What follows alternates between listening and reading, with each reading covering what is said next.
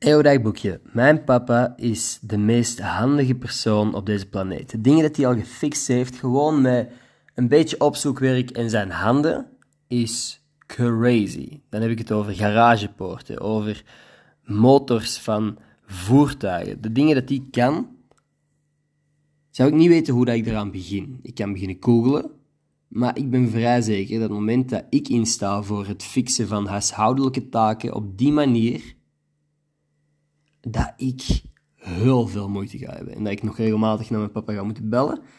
En waarschijnlijk ook wel wat geld ga moeten uitgeven aan klusjesmannen of mensen die er meer van weten dan ik.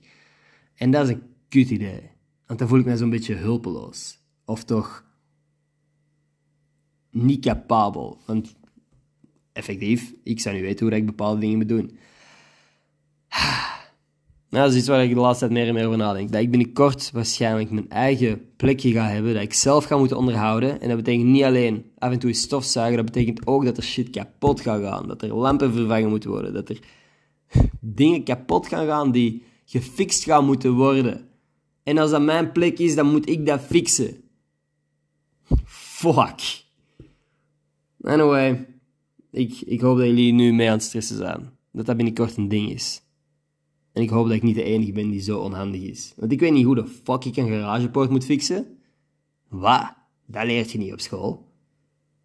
Het zou ook een rare les zijn. Maar, what the fuck. Oké, dat is weer een van mijn zorgen. Tot straks.